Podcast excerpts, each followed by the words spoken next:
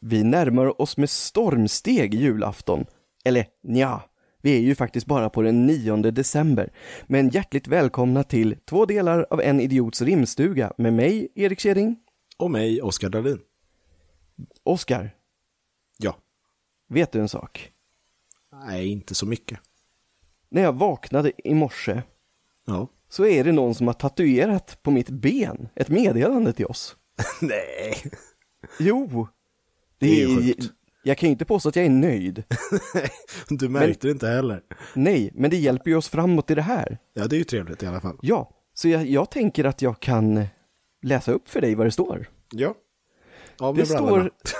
Ja, absolut. Jag sitter här utan brallor nu. Ja, ja, då så. Det står, det står så här. Mm. Att Felicia, hon tycker att hennes kille snor allt täcke på natten. Kan det vara därför jag blev tatuerad på benet under natten? Ja, du hade nog inget täcke. Nej, så Felicias kille har nog varit här också. Och snott ditt täcke också. Ja, men nu tycker jag att det är upp till dig, Oskar, att hitta på en lösning på Felicias problem. Så Det- hopp iväg. Det ska jag göra. Hopp, hopp.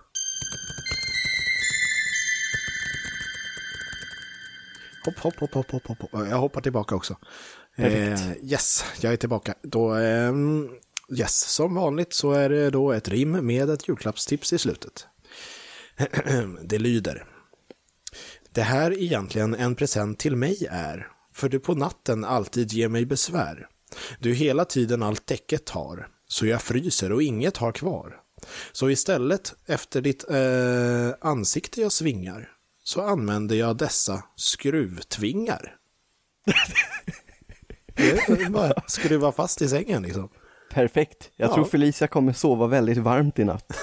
Jag hoppas det. Så god jul till både henne och kanske till hennes pojkvän. Ja, kanske kan, kan få en liten god jul. God Han jul. kan få en liten god jul. God jul!